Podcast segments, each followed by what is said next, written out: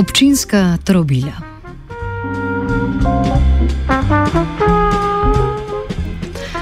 Občinska glasila so trobila strank in županov, je večkrat slišan očitek uperjen proti raznim medijem, ki delujejo v okviru občin in so financirani iz občinskih proračunov.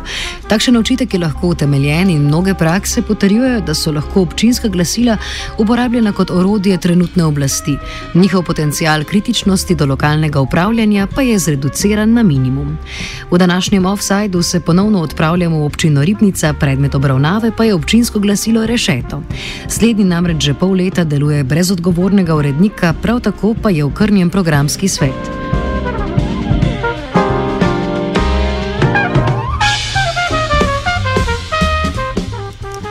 Zadnja odgovorna urednica Tina Mihajlič je namreč odstopila pred pol leta, ker je drugi član uredništva Domen Magnus Čampa Marinč brez njenega potrdila spremenil januarsko verzijo glasila, ko je že šla v tisk. Na mesto pisma Bravke, v katerem je ta kritizirala nevaren cestni odsek in uredničenega komentarja, je bil objavljen glas za pustni karneval. Več o ozadju dogajanja pojasni eden od odstoplih novinarjev Saša Hočevar. Kolikor je meni jasno, je odgovorna urednica odstopila zaradi konkretnega posega v, ured, v urednikovanje glasilskega, mislim, občinskega glasila Rešeto. Namreč uh, PR-ovc občine Ribnica je uh, že, že med, uh, med tiskom ustavil tiskarno in vzel ven izločil uh, pismo Bravke, ki je neka kritično opozorila na uh, prometno varnost, slabo prometno varnost v enem delu ribnice. In on je to um, pismo Bravke nadomestil z vabilom na pustni karneval. Urednica je nemudno odstopila in mi trije, ki smo bili redni dopisniki, sodelavci rešeta, smo tudi uh, se odločili za odprto pismo javnosti, ker če mi ne bi nič odreagirali, bi to pomenilo, da bi se z mokom strinjali s cenzuro.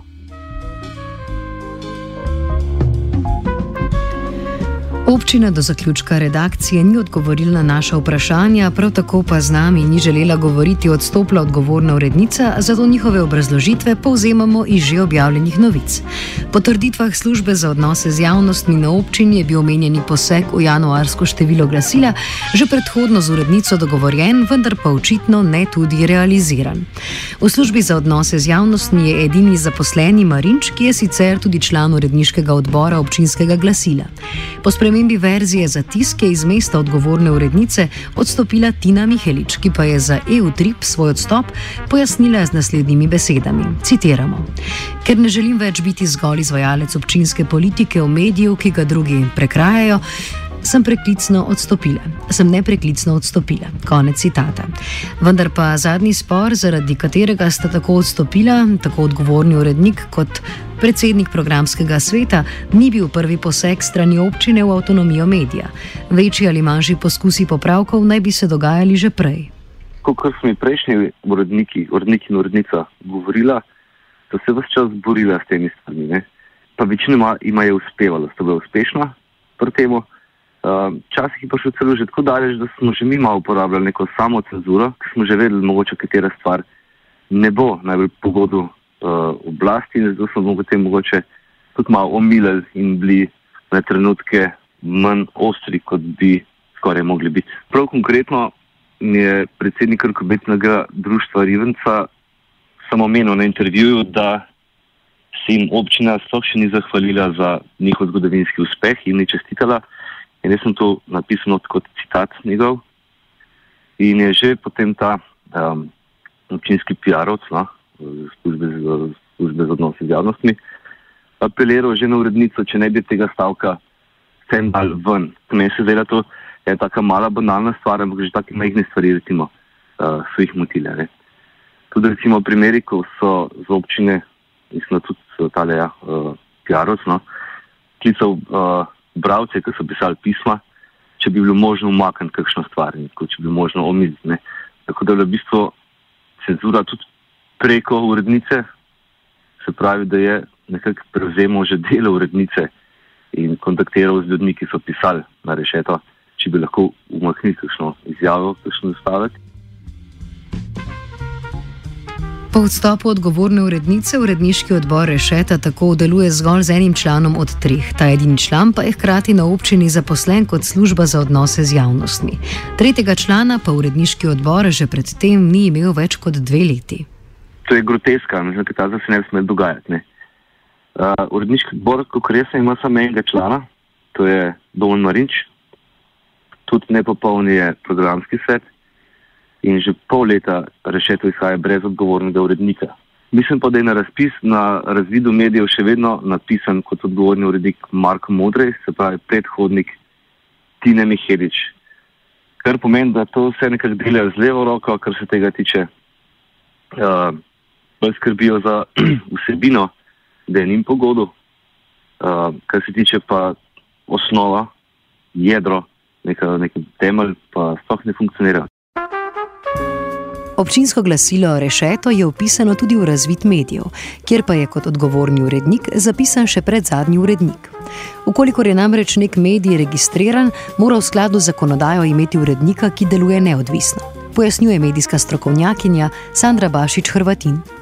Seveda ne more delovati zaradi tega, ker mora imeti odgovornega urednika in funkcija odgovornega urednika je napisana v zakonu preverjati bi pa moral tisti, ki vodi razvid in to je oseba na ministrstvu za kulturo.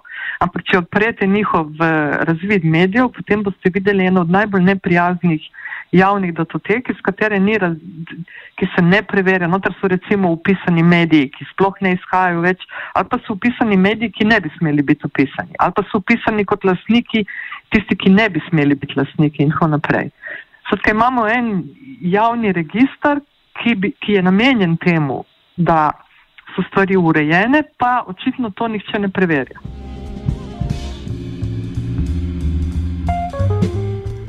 Po posegu so protestno pismo napisali tudi trije novinari glasila, ki so tudi prenehali sodelovanjem pri njegovi pripravi, posledično pa je tudi kvaliteta vsebin mesečnika upadla. Ja, bili smo trije, ki smo podpisali se po tole pismo, uh, Kožar, Tanko, pa jaz.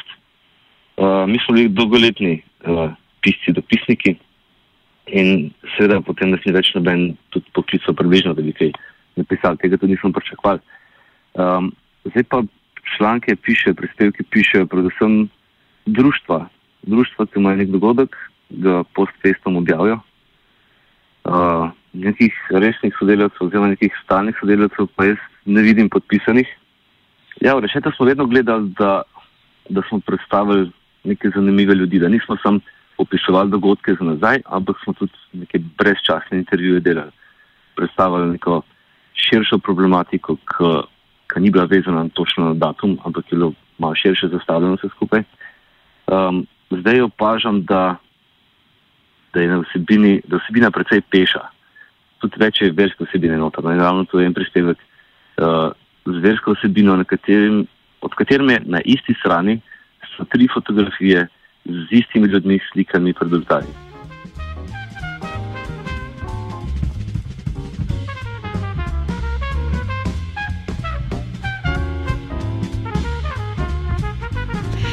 Problem mesečnika Rešeto pa ni osamljen, občinska glasila so sicer upisana v razvid medijev, poleg tega pa so financirana z javnim denarjem, vendar pa pogosto ne izpolnjujejo kriterijev, ki jih določa zakon o medijih.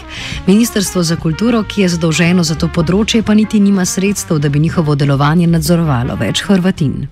Gre za vprašanje, ki se vleče že praktično 20 let in kjer pristojno ministrstvo, ministrstvo za kulturo ne razume, kaj je naloga občinskih glasil. Zakon pravi, da občinska glasila niso mediji oziroma to so tiste glasila, ki informirajo svoje občane in občanke.